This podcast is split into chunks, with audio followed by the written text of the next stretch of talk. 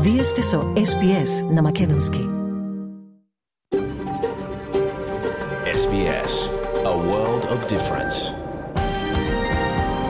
You're with SBS Macedonian on mobile, online, and on radio.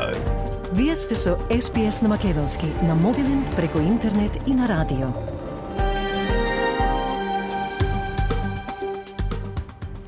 СПС им одава признание на традиционалните собственици на земјата, народот Варанджери Вој Варанг на нацијата Кулен, минати и сегашни. Добар ден, со вас денеска е Маргарита Василева. Во прилогот за настаните во Македонија известуваме дека ВМРО ОДПМН поднесе иницијатива до Уставниот суд за преизбитување на законите за промена на патните исправи. И Бугарија бара бугари меѓу македонците и во Косово. Подетално веднаш повестите.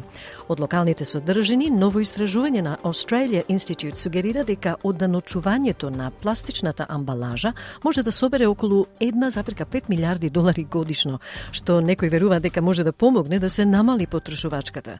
Австралиците консумираат 3,8 милиони тони пластика секоја година, што предизвикува сериозна штета на дивиот свет, морските екосистеми и човечкиот живот. А кон крајот повторно во програмата е познатиот едукатор и натуропат Сузан Дженевски, која и денес ги пренесе алтернативни начини за подобро здравје и исхранување. Многу е важно, вели таа, да го почитуваме нашето тело и на тој начин создадеме нови и здрави навики при секое јадење. Таа силно потенцира дека сите ние сме навигатори на собственото здравје. Останете со нас, започнуваме со вестите на СПС со Радица Бојковска-Димитровска. Радица, повели. Благодарам, Маргарита. Добар ден и од мене. Во денешниот билтен, Министерката за надворешни работи Пени Вонг пристигна во Јордан, првата станица во незината посета на Блискиот Исток. Војниот портпарол на Хутите уште еднаш ги оправда нападите врз бродови во Црвеното море, како директен одговор на израелскиот напад врз Газа. Опозицијската ВМРО ДПМН поднесе иницијатива до Уставниот суд за преиспитување на законите за промена на македонските патни исправи со новото име на државата. И во спортот, Анге Постекову ја пропушти наградата за најдобар тренер на FIFA Awards. Слушајте не.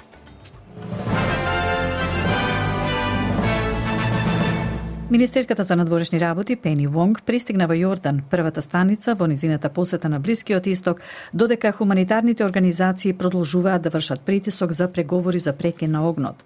Сенаторката Вонг ќе се сретне со регионалните колеги за време на низината посета на Израел и Западниот брег, Јордан и Обединетите Арапски Емирати. Групата за помош Amnesty International рече дека посетата на сенаторката Вонг на регионот треба да биде фокусирана на начините на кои би се дошло до прекин на огнот. Портпаролот на Amnesty International, Мохамед Дуар, вели дека стоте дена од почетокот на војната имало цитат застрашувачко непочитување на човековите права. Сенаторката Вонг рече дека ќе се фокусира на позицијата на Австралија за промовирање меѓународна хуманитарна помош и почитување на меѓународното хуманитарно право. Воениот портпарол на Хутите уште еднаш ги оправда нападите врз бродови во Црвеното море, како директен одговор на израелскиот напад врз Газа. Ова доаѓа откако милитантите Хут, Хути нападнаа носач на големо на Соединетите Американски држави без пријавени повредени или значителна штета. Јахја Сареја рече дека јеменските вооружени сили ги сметаат американските и британските воени бродови за агресори во регионот поради нивната подршка за Израел. The Yemeni armed forces consider all American and British warships and vessels participating in the aggression against our country as hostile targets within the banks of targets of our forces. The Yemeni armed forces affirm that the response to the American and British attacks is inevitable and that any new aggression will not remain unpunished. Тој додаде дека вооружените сили на Хутите ќе продолжат да ги извршуваат своите воени операции, се додека не престанат нападите врз палестинскиот народ во појасот Газа. А експерт за меѓународно право тврди дека случајот за геноцид на Јужна Африка против Израел во судот на правдата на Обединетите нации има голема можност за успех и покрај фактот што рочистота се се уште во прелиминарна фаза. Јужноафриканската страна тврди дека Израел врши геноцид врз палестинскиот народ за време на неговите воени операции во Газа, кои започнаа по нападите од страна на милитантната група Хамас на 7 октомври. Израел остро го отфрли обвинувањето, велејќи дека оној кој се обидел за геноцид е всушност Хамас. Специјалистот за меѓународно право Тоби Кадман изјави за СБС дека јужноафриканската страна ќе треба да докаже без трошка сомнеш дека Израел врши геноцид. За да биде геноцид, појаснува тој, постои барање да се утврди дека има конкретна намера да се уништи, целосно или делумно, заштитена група според Конвенцијата за геноцид. Иако може да се работи за воени злосторства или злосторства против човештвото, ако не се докаже дека постои таква намера, тогаш тоа не мора да подпадне под Конвенцијата за геноцид, genocid, veli ekspert za međunarodno pravo Toby Kadman. This is genocide, not war crimes, not crimes against humanity, not other international crimes. And in order for it to be genocide, there is a requirement to establish that, that there is specific intent to destroy in whole or in part a protected group under the um, Genocide Convention. And so, whilst it may well be war crimes or crimes against humanity, unless you have that specific intent element, then it wouldn't necessarily fall under the Genocide Convention.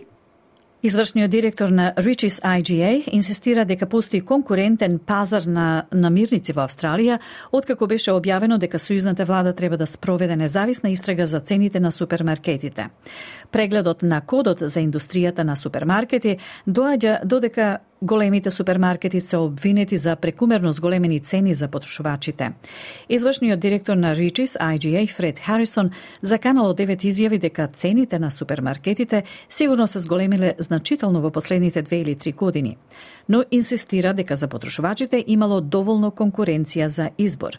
Според него, познато е дека 50% од австралиците пазаруваат во локални пилјари и 50% од нив купуваат месо од месарница, па така за потрошувачите имало огромен избор и можности, вели тој. I think we have a very robust and very competitive supermarket industry. And let me also add that there's been a lot of talk around produce pricing, around meat pricing. I mean, supermarkets are only a component of that market. For example, we know 50% of Australians shop in produce shops, 50% of Australians buy their meat from a butcher. There is an enormous choice and opportunity.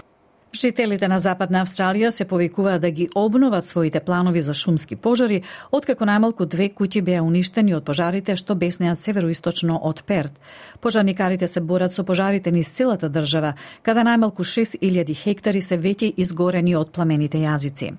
Министрот за итни случаи Стивен Доусон вели дека пожарите во Джинджин и Читеринг сега се ставени под контрола, додека пожарот во Биндун е речиси под контрола. Но тој предупредува дека ова ќе биде жешко и долго лето, па затоа им советува на сите да имаат план во случај на шумски пожар и да ја преземат апликацијата My Bushfire Plan на нивните телефони. Потребни се помалку од 15 минути, но може да го спаси вашиот живот и животот на вашите најблиски, вели господин Досон. Uh, as I said at the beginning of this fire season, it will be a long one. It'll be hot, dry, and dangerous, and we're certainly seeing that so far. I do urge Western Australians to take proper precautions when going outdoors and also to follow the bushfire advice and the alerts through the Emergency WA website. I again urge everyone to create a bushfire plan. Download the My Bushfire Plan app onto your phone. It takes less than 15 minutes, but it could save your life and the lives of your loved ones. Опозицијската ВМРО ДПМН поднесе иницијатива до Уставниот суд за преиспитување на законите што се однесуваат на промената на македонските патни исправи. Со овие представки партијата бара патните исправи да важат до датумот што е втиснат на нив, информира вчера под паролот на ВМРО ДПМН Наум Стоилковски. И до скорешниот владин коалицијски партнер, лидерот на Демократскиот сојуз Павле Трајанов, упати порака преку медиумите до власта првин да го реши проблемот со документите и да ја прифати иницијатива иницијативата на ВМРО ДПМН. Лична кара, карта и возачка дозвола во Македонија може да се користи понатаму. Пасошите во суштина а, важат до 12 февруари ова година. Тоа треба да се промени и за тоа требаше досега да се отвори е, расправи или да се направат обеди со грчката страна дека Македонија нема ниту технички можности, ниту кадрски потенцијал оваа огромна операција да заврши до 12 февруари и да барат пролонгирање. Владата веќе информира дека ќе се обиде со Атина да најде решение за да се проложи, проложи рокот за пасошите, а за личните карти дека ќе важат до назначениот датум. Повторно во земјава над 200 милиони долари во енергетски надградби се очекува да ги намалат трошоците за сметките за струја за повеќе од 30.000 станари и изнајмувачи на социјални станови во Нови Јужен Велс лошо изолираните постари домови и локации, каде што домакинствата доживуваат екстремна топлина и студ, ќе бидат приоритет во енергетските надградби, објавени денеска од Сојузната влада и владата на Нов Јужен Велс. Над 24.000 јавни станови и живеалишта во заедницата ќе бидат прифатливи за системи за топла вода во со топлинска пумпа, вентилатори на таванот, климатизери со двонасочен циклус и системи за соларна енергија. Повеќе од 10.000 домакинства ќе можат да заштедат до 600 долари годишно преку програма на соларни банки за да ги одржат своите домови поладни во лето и потопли во зима а нова студија покажа дека поголем број од смртните случаи поврзани со дрога во Австралија можеле да бидат спречени. Извештајот покажа дека 64 луѓе починале откако присуствувале на музички фестивал или концерт во Австралија помеѓу 2000 и 2019 година. Повеќе од 73 од 100 тие смртни случаи биле мажи, а повеќето биле на возраст во средните 20 години. Дженифер Шуман, истражувач од Викторискиот институт за судска медицина, изјави за Канал 9 дека тестирањето на даплетите е ефективна стратегија, докажано дека го намалува бројот на смртни случаи поврзани со дрога. Други земји во Европа и Северна Америка го прават тоа веќе 20 или 30 години и тоа е поврзано со големо намалување на штетите поврзани со употребата на дрога, вели господица Шуман. It's obviously not the silver bullet. Um, it's found to be a highly effective strategy in a broader harm reduction approach. Um, other countries have been doing this around uh, North America and Europe for 20 or 30 years, um, and it has been associated with um, a, a, great reduction in, in the harms associated with drug use. Студијата е прва што известува за смртни случаи поврзани со дрога на музичките фестивали во Австралија. И во спортот шефот на Тотенхам Анге Постекоглу, иако беше во потесниот круг, пропушти да биде прогласен за најдобар тренер на светот на наградите на ФИФА. Церемонијата на доделувањето на наградите ги круниса Лајонел Меси и Ајтана Бонмати како најдобри фудбалери. Постекоглу признат за неговите достигнувања во неговата предходна улога во шкотскиот гигант Селтик, загуби од најомилениот Пеп Гвардиола на The Best FIFA Awards 2023 во Лондон. Гвардиола го предводеше Манчестер Сити до до тројната круна во Лигата на шампионите, Премиер Лигата и турнирот минатата сезона и фудбалскиот турнир минатата сезона. Постекоглу беше во потесниот круг во кој беа вклучени и шефот на Интер Симоне Инзаги, Лучијано Спалети од Наполи и Чави од Барселона.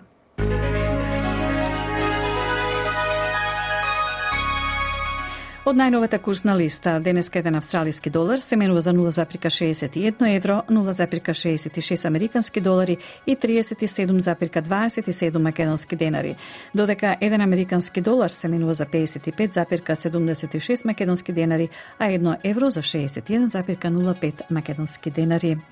Накусо и временската прогноза за главните градови за утре среда, 17 јануари, Перт претежно сончево максимално 32 степени, Аделаид делумно облачно 24, Мелбурн врнежливо максимално 25, идентично и за Хобарт врнежливо максимално 25, врнежи се прогнозираат и за Камбера максимално 24, како и за Сиднеј со максимално до 29 степен, Бризбен слаби повремени врнежи 30, Дарвин обилни врнежи со услови за бура 31, и Али Спрингс услови за дожд максимална 39 степени.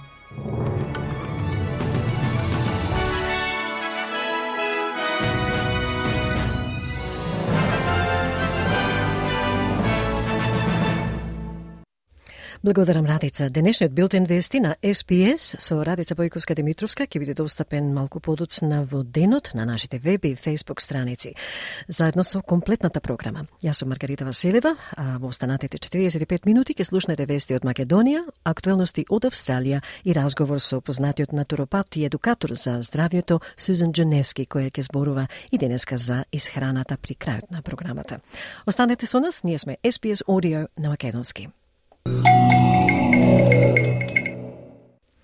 Ја следите програмата на SPS Audio на Македонски, а со вас е Маргарита Василева. Во денешниот извештај од Македонија четири теми. ВМРО ДПМН поднесе иницијатива до Уставниот суд за преиспитување на законите за промена на патните исправи. Бугарија бара бугари меѓу македонците и во Косово. Се приближуваат роковите за оставки на сегашните функционери според изборниот законик и Државната трудова инспекција ги испитува вработувањата во македонската навигација. Денеска од Македонија се јави Бране Стефановски.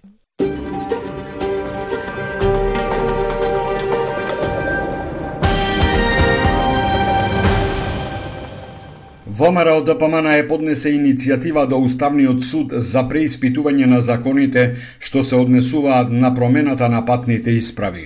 Со овие представки партијата бара патните исправи да важат до датумот што е втиснат на нив, информира вчера портпаролот на ВМРО ДПМН да е Наум Стоилковски. Уставниот суд да го запре извршувањето на оспорените членови на законите се до одлучувањето дали се тие уставни или не. Двата члена, односно во двата закони се наведува дека патните исправи, односно возачките дозволи и возачките книжки, ќе цитирам, кои што го содржат надписот Република Македонија издадени до денот на започнување на примената на овој закон, ќе важат до истекот на рокот на важење кој што е наведен во возачката дозвола, најдосна до 12 февруари 2024 година. И доскорешниот владин коалиционен партнер, лидерот на Демократскиот сојуз Павле Трајанов, упати порака преку медиумите до власта првен да го реши проблемот со документите и да ја прифати иницијативата на ВМРО ДПМНЕ. Лична кара, карта и возачка дозвола во Македонија може да се користи понатаму. Пасошите во суштина а, важат до 12 февруари ова година. Тоа треба да се промени и за тоа требаше досега да се отвори е, расправи или да се направат обиди со грчката страна дека Македонија нема ниту технички можности, ниту кадрски потенцијал оваа огромна операција да заврши до 12 февруари и да барат пролонгирање. Уставниот суд потврди дека иницијативата на ВМРО ДПМН е стигната и дека понатаму ќе се прегледува дали формално правно ги исполнува сите елементи за да почне со испитување на наводите. Владата веќе информира дека ќе се обиде со Атина да најде решение за да се продолжи рокот за пасошите и патните исправи, а за личните карти дека ќе важат до назначениот датум. По потрагата по бугари во Македонија и во Албанија, официјална Софија сега бара признавање на бугарско малцинство и на Косово, алудирајќи на горанците. И председателот Румен Радев и подпредседателката Илијана Јотова побара поддршка од косовските власти за оваа нивна акција. Тие отворено бараат горанците кои се изјаснуваат како македонци со исламска вероисповед, да се изјаснуваат како бугари на истиот начин како што ги убедуваат македонците од Мала Преспа. Радев за тоа ветува голема помош за населението и школување на младите во Бугарија. Да намери своето место в Закона за заштита и насрчавање на општностите в Косово. Бугарската заедница во Косово да биде законски призната, да го најде своето место во Законот за заштита на заедниците на Косово, да го добие своето место во консултативниот совет на заедниците на председателот. Добив уверување и од господја Османи и од господин Курти дека тоа ќе се случи наскоро. И на госпожа Османи и на господин Курти, че това ще се случи в најскоро време. Бугарските челници бараат и бугарите да влезат во уставот на Косово и да добијат загарантирано место во Советот на заедниците. Садик Идрис, професор на Универзитетот во Призрен, за ТВ Сител рече. Многи су задњи година, посебно из Призрена, упучени на школување у Бугарској. Многу луѓе последните години, особено од Призрен, одат на школување во Бугарија со надеж дека потоа или за време на школувањето ќе успеат да добијат бугарска виза. Тоа се причините поради кои луѓето ги пополнуваат тие формулари. Попуњавају те образи, формуларе На Косово пак никој не се изјаснува како бугарин. Во изјава за Euronews Србија, професорот Радивое Младеновиќ од Институтот за српски јазик при САНУ вели дека тие не се чувствуваат како бугари. Веќе више од стотину година deo bugarske državne politike. Повеќе од 100 години дел од бугарската државна политика и бугарската наука и квази наука се обидуваат да докажат дека поголемиот дел од Балканскиот полуостров всушност припаѓа на периферните бугарски говори и дека во тој контекст е формиран проект за бугарите на границата кој е многу агресивен. Проектот за граничните българи кој е врло агресиван Во Косовскиот дел на гора живеат околу 25.000 жители. Според тврдењата на Сдруженијето на македонците од гора во Албанија, повеќе од 80 на 100 се македонци со муслиманска вероисповед. Дел од нив имаат и македонско државјанство. Последните неофицијални информации што ги пласираат медиумите велат дека до крајот на неделава ќе има состанок меѓу собранискиот председател Талат Джафери и премиерот Димитар Ковачевски за тоа кога точно ќе ги поднесат оставките на што ги обврзуваат законските одредби во предизборниот период, односно за техничката влада. Првичниот план според извори од владеачките партии е тоа да го направат од 24 до 26 јануари. Нивните оставки пак да бидат констатирани на нова седница што треба да биде закажана ден подоцна. На оваа седница ќе треба да се избере и нов председател на собранието. За ова место СДСМ го предложи координаторот Јован Митревски.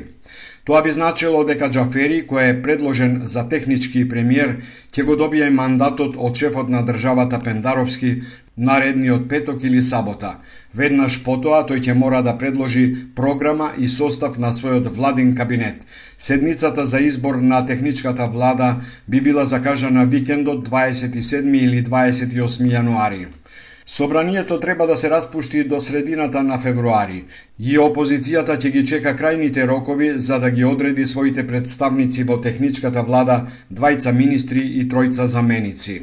Партиските тела на ВМРО ДПМНЕ ќе заседаваат по водици. Опозицијата вчера во собранието упати последни пораки до Джафери за тоа како треба да го води идниот премиерски мандат.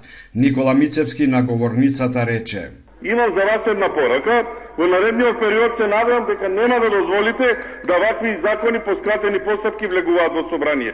Нека влезат во редовна постапка, да има време да ги продискутираме, да има време да поразговараме, затоа што кога ќе се гледаат подолго време, подолго може да се размислува и да не се прават вакви грешки. Во наредните десетина дена се очекува и партиите на албанците во власта да ги донесат последните одлуки дали да влезат во така наречената проевропска коалиција со СДСМ и ДУИ и каков став ќе заземе Алијансата на албанците, а тоа е дали ќе коалицира со ДУИ или ќе застане на страната на опозиционите албански партии предводени од Европскиот сојуз за промени. По скандалите што се случуваа во македонската навигација МАНАВ, вчера Државниот инспекторат информира дека документацијата од оваа служба е одземена, дека досиејата се обемни и фактичката состојба се уште не е утврдена. Инспекторите за труд бараат време за точно да можат да кажат што се правело во македонската навигација и како се спроведувани огласите и вработувањата. Пред неколку дена ТВ Телма објави детали за роднинските врски на дел од вработените во МАНАВ со министри и други високи функционери.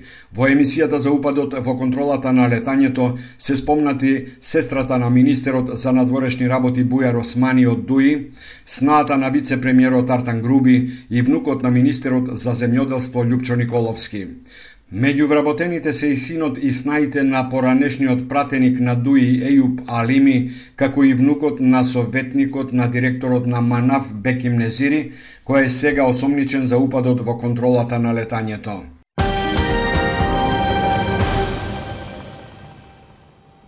Го слушнавте извештајот за најновите настани во Македонија со Бране Стефановски. А за поширок избор, прилози и интервјуа посетете нашата Facebook страница SPS Macedonian или слободно посетете нашата веб страница sps.com.au коса црта Macedonian. Таму ќе најдете и видеоклипови од разните настани во македонската заедница. По неколку информативни пораки од SPS ќе преминеме и на актуелности, а кон крајот ќе се посветиме на здравјето и уште денес за разговор разговорот, со разговорот со Сузан Дженевски. На програмата на SPS Audio со вас е Маргарита Василева. Продолжуваме со актуелности од Австралија. Австралиците консумираат 3,8 милиони тони пластика секоја година, што предизвикува сериозна штета на дивиот свет, морските екосистеми и човечкиот живот. Ново истражување на Australia Institute сугерира дека оданочувањето на пластичната амбалажа може да собере околу 1,5 милиарди долари годишно, што некои веруваат дека може да помогне да се намали потрошувачката. Нова тема подетално известува Адриана Уфајншток за SBS News.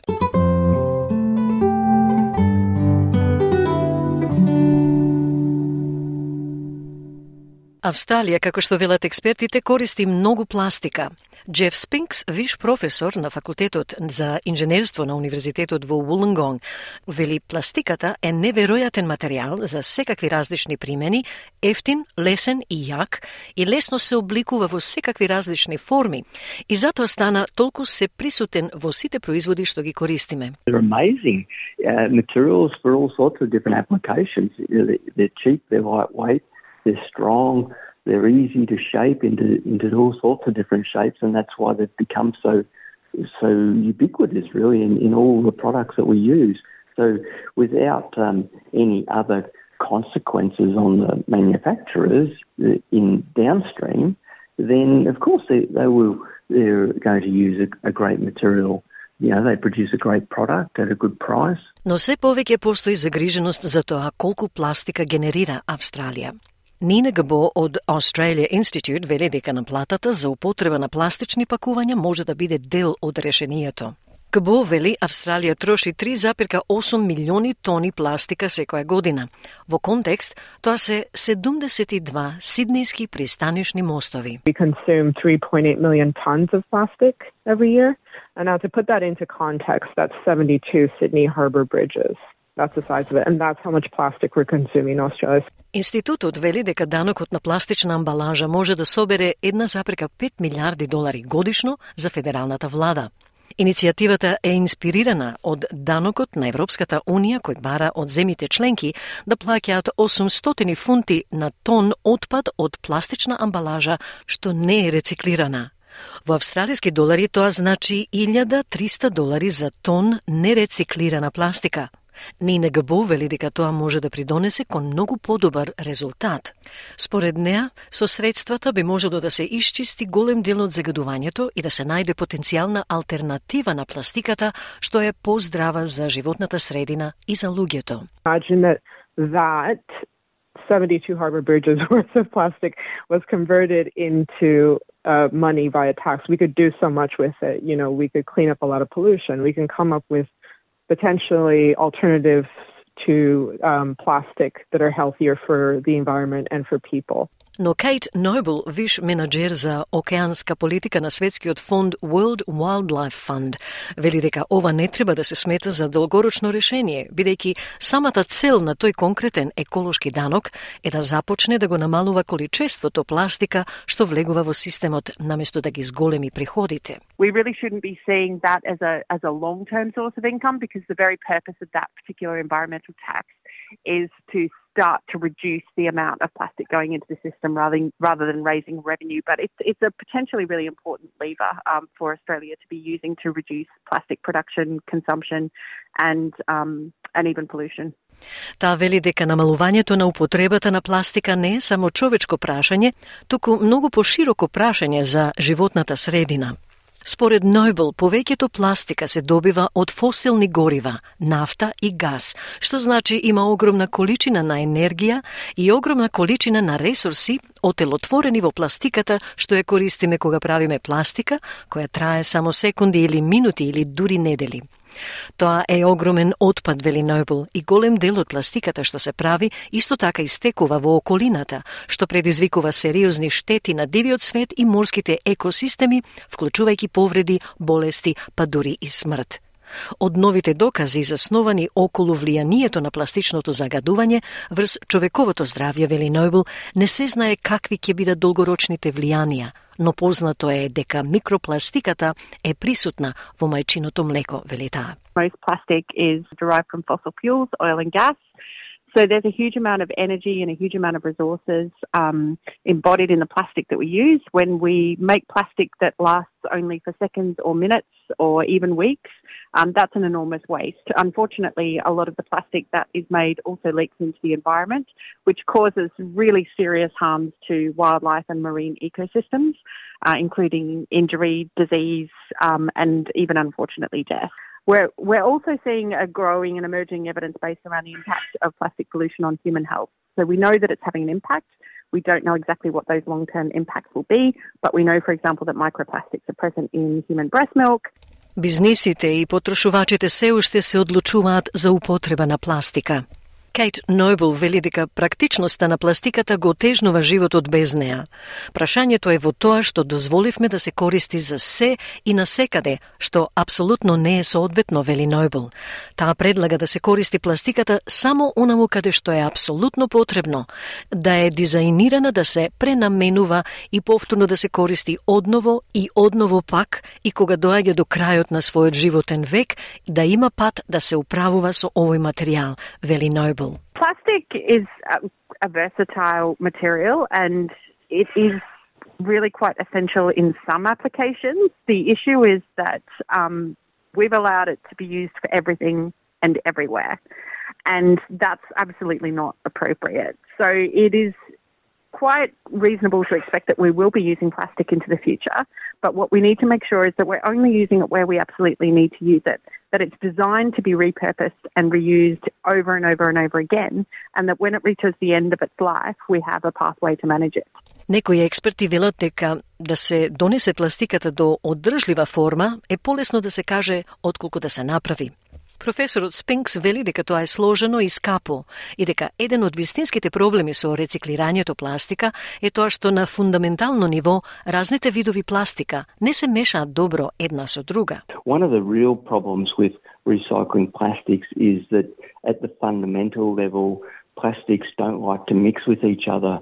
The problem is that when you melt mixed plastics and then shape them and, and solidify them into the final product, that process of solidification means that they separate at the right down at the molecular level, and when they separate, they create these weak interfaces.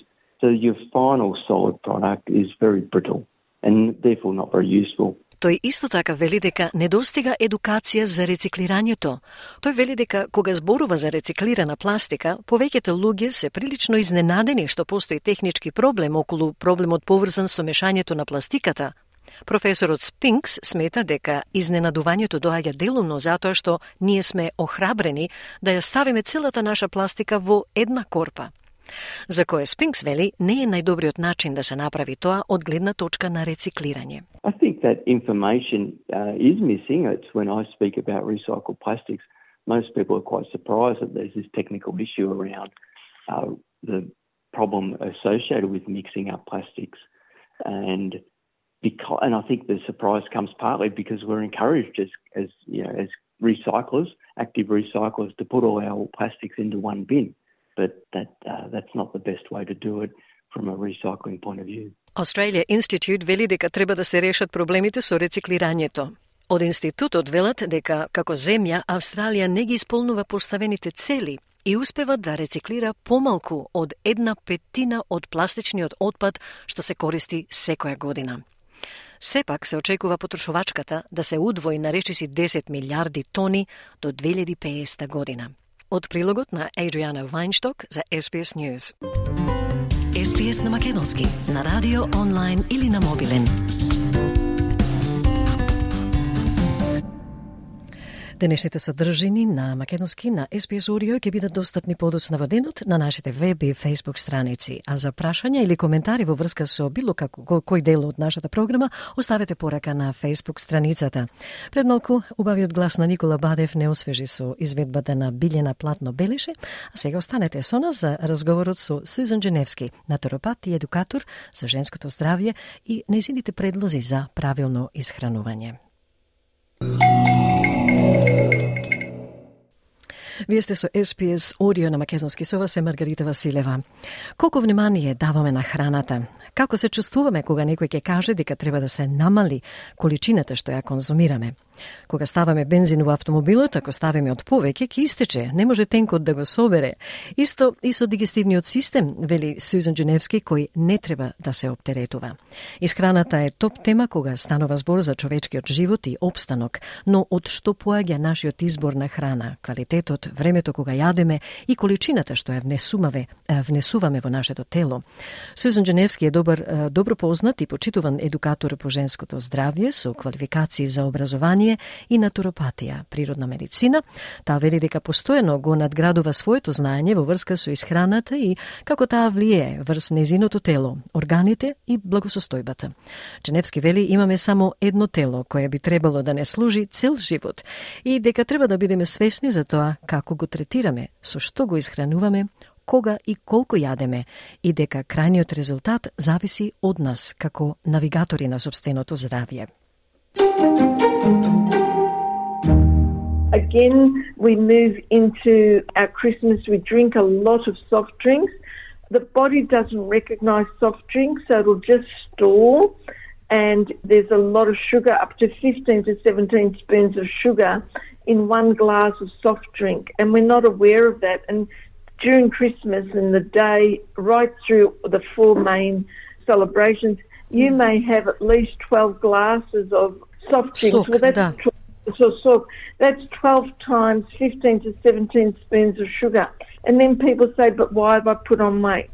So the aim, um, kakomakedonsi sakam davi davi pokanan, vimate poveke pochit, за вашата вашиот ум и снага да може вашата снага и вашиот ум да ве помогни кога сте во Божик за новата година и да можете да бидете во најдобро здрави. Со јадењето, јас би сакала да ве кажам дека ова година сум многу, многу по сум посвесна дека мораме повеќе да имаме да имаме мора повеќе да имаме внимание. А да дадеме да внимание, да. Внимание, да имаме повеќе се што ви расти во бавчата, да имаме повеќе овошје, да имаме повеќе кога јадиме, треба три череци од таа од тој таа пајнца да биде полна со зеленчук и со um, нешто како благи компири, um, со кароти, со зеленчук. Да. Него многу пати не јадиме доволно зеленчук или овошје. Значи, велите дека околу три четвртини од чинијата би било добро да, да биде полна со зеленчук. Да, и тоа знам ова година има една програма на телевизија се вика The Blue Zone, The Secret to Living to 100 Years, и тамо велат да не јадите повеќе од 80% да знаете кога сте блиску полни и да не јадите кога знаете сте полни. Ако одите на гости, имате јадено пред да одите на гости, сакам да ве поканам да имате ам, почит за вашата снага и да не му давате многу јадење на снагата, и снагата нема да знае што да прави со јадењето и после ке ке велите леле колку сум попраен или попраена. Идејата е а, ние живееме подолги години без многу компликации кога сме послаби. Значи, со други зборови, да, да покажеме малку поголема контрола врз тоа што да. ќе го консумираме. Да, да, оти, за тоа што нашата снага ние си мислиме нашата снага е против нас, ама нашата снага не е, е како вашата кола, ако не му клавате добар а, бензин, ако не му клавате добар бензин, таа кола нема да работа. Исто со нашата храна во нашето тело. Ако не дава, клаваме добра храна во нашето тело, нашето тело нема да не да има почит за нас. И тогаш ќе имаме многу големи проблеми со diabetes, reflux, heart problems, headaches. И луѓето многу ми велат, леле, ми спадна косата, имам, ам, не можам да спијам, спијам. Све тоа е како јадиме во денот. И сакам уште да ви кажам, тоа сте едно кафе со бајлето. Не треба 5-6 кафина во дента да пиете ако имате нервоза, ако сте осетливи. Кафето ам, е добро, ама не треба да претераме од едно до две кафина. И знам кога одам на гости, некој пат ке биде 6-7 сата и сакаат да ми дат кафе, јас не можам да пијам кафе во 6 или 7 сатот, ти нема да спијам. Да. Mm. Тогаш, кој е вашиот совет, Сузен, за, за времето кога е најпогодно да се јаде или до, кого, до колку сатот а, препорачувате да, да јадиме? Многу луѓе излегуваат нели, за вечера, одат и кај пријатели и така натаму и да. семејства да. и големиот дел од активностите се фокусираат на јадење и тоа на вечер и доцна. Што би препорачале вие што се однесува на, на времето кога треба да се јаде, кога треба да се запре да се јаде? Супер, Маргарита, јас сакам да се вратиме како што живеевте во Македонија, ручек да ви биде најголемата храна во снага. Ручек е тоа време што цел ден имате тоа јадење да ви да ве помогне во дента да имате енергија. Ми е жал да гледам дека многу луѓе во 8 сатот јадат вечера. Тоа е претерано доцна. касно, доцна. Да. И јас би сакала да ви речам дека да не јадите После колку сатот? После 7 сатот. Ако можете до 6 и пол да ви е све јадено. И да имате све изедено и после можете да имате овошје околу 7 сатот. Ако можете така, и тоа значи дека му давате мир на снагата од 7, 7 и пол до, до да спиете да. до 7 сатот, пауза на снагата да може да се врати со енергија. И да го разработи јадењето, нели? Да. И затоа, ако знаеш така да живиш, тоа значи дека нема да имаш проблеми со киселини, нема да имаш проблеми со да не можеш да по нужда. Да. Нема да имаш проблеми со глави болки, ам, нема да се поправаш како што многу луѓе ќе речат овие главните празници ке, ке ставам 5 до 10 кила. Зошто да му клаваш појке килажа на снагата, кога снагата ти е твојот дом за цел живот? Да. И ние сме газда, како што велиш, газда на, на, на нашиот, на собствениот дом. Да. И зошто, Маргарита, не можеме да речеме не. Оти ако ние сме газди на нашето тело, ние треба да имаме почит, да можеме да речеме ке пробам од, та, од тоа. Јас сум прва да ви речем дека македонската храна, уште јадам македонска храна, ако сум родена тука, живеам со мама, исто све си јадам, да. ама знам кога да застанам. Зошто јадиме две-три пајнци граф, кога една пајнца граф е доста? Зошто јадиме три пајнци јадење, кога нашата снага не може тоа да го мели? Ајде да пробаме за овие празници да не прејадиме, да си јадиме тоа што ни сака снагата, ама да не претераме и да видите како за нова година можете да влезете во ново тело и тогаш можете да не ги ставите тие сила што сите се плачиме леле колку се поправ во Божик. Зошто овој Божик не велите дека јас имам многу чист Божик, јадење што можем да пробам ова прекрасно јадење, да. ама не треба да претерам, затоа што тоа не ми е здраво за мојата мојот ум или моето тело. Да. Покрај бројните говори, телевизиски програми работа со пациенти, инспиративната Сузан Дженевски, која што току ја слушнавте, е автори на книгата насловена Be an Organic Woman, биди органска жена, во која таа се подпира на незините веќе органски корени преку животот што таа го поминала живејќи со незината баба. Дженевски во сите наши разговори ја нагласува важноста да се јаде органско или од собствената бавча, доколку имате, особено кога супермаркетите и синџирите за брза храна постојано се надпреваруваат за нашиот долар. Во денешниот дел од поширокиот разговор, акцентот е повторно на силата, на изборот што самите ние го правиме, колку сме решителни да придонесеме кон собственото здравје. Со други зборови, колку го почитуваме нашето здравје, ке рече Дженевски. Сето тоа, вели таа, прави огромна разлика.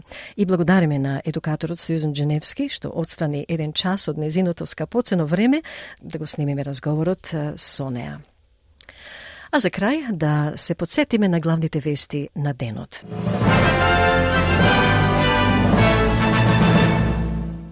Министерката за надворешни работи Пени Вонг пристигна во Јордан, првата станица во незината посета на Блискиот Исток. Воениот портпарол на Хутите уште еднаш ги оправда нападите врз бродови во Црвеното море како директен одговор на израелскиот напад врз Газа. Опозицијската ВМРО ОДПМН поднесе иницијатива до Уставниот суд за преиспитување на законите за промена на македонските патни исправи со новото име на државата. И во спортот, Анге Посте, Анж Постекоглу ја пропушти наградата за најдобар тренер на FIFA Awards.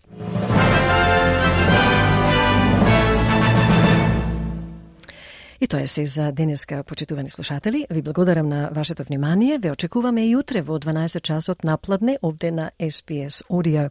А во меѓувреме за избор прилози, интервјуа и видеорепортажи на разни теми од разните настани во македонската заедница, посетете не на sbs.com.au macedonian, каде можете да го слушнете и разговорот со новиот председател на Цапарското друштво од Сиднеј, Томислав Вангиловски, кој има само 20 години и кој се надева дека со неговиот пример ќе потикне и други млади активно да се вклучат во организациите и друштвата во македонската заедница. Еве еден дел од разговорот со него. И сакам јас да се продолжува нашиве македонците како традиции, mm -hmm културни работи што правиме, адети, оти многу се јаки и тоа како тоа ни држа како народ. Така. И јас знам од дете мал, стално имам одено и на бабари и на игранки. Тоа е најфантастично нешто што правиме ние македонците, мислам. На татко ми, татко и мајка, баба ми и дадо ми, двете се дојдени од Цапари. А, моите семејство се дојдени пред многу години овдека во Австралија.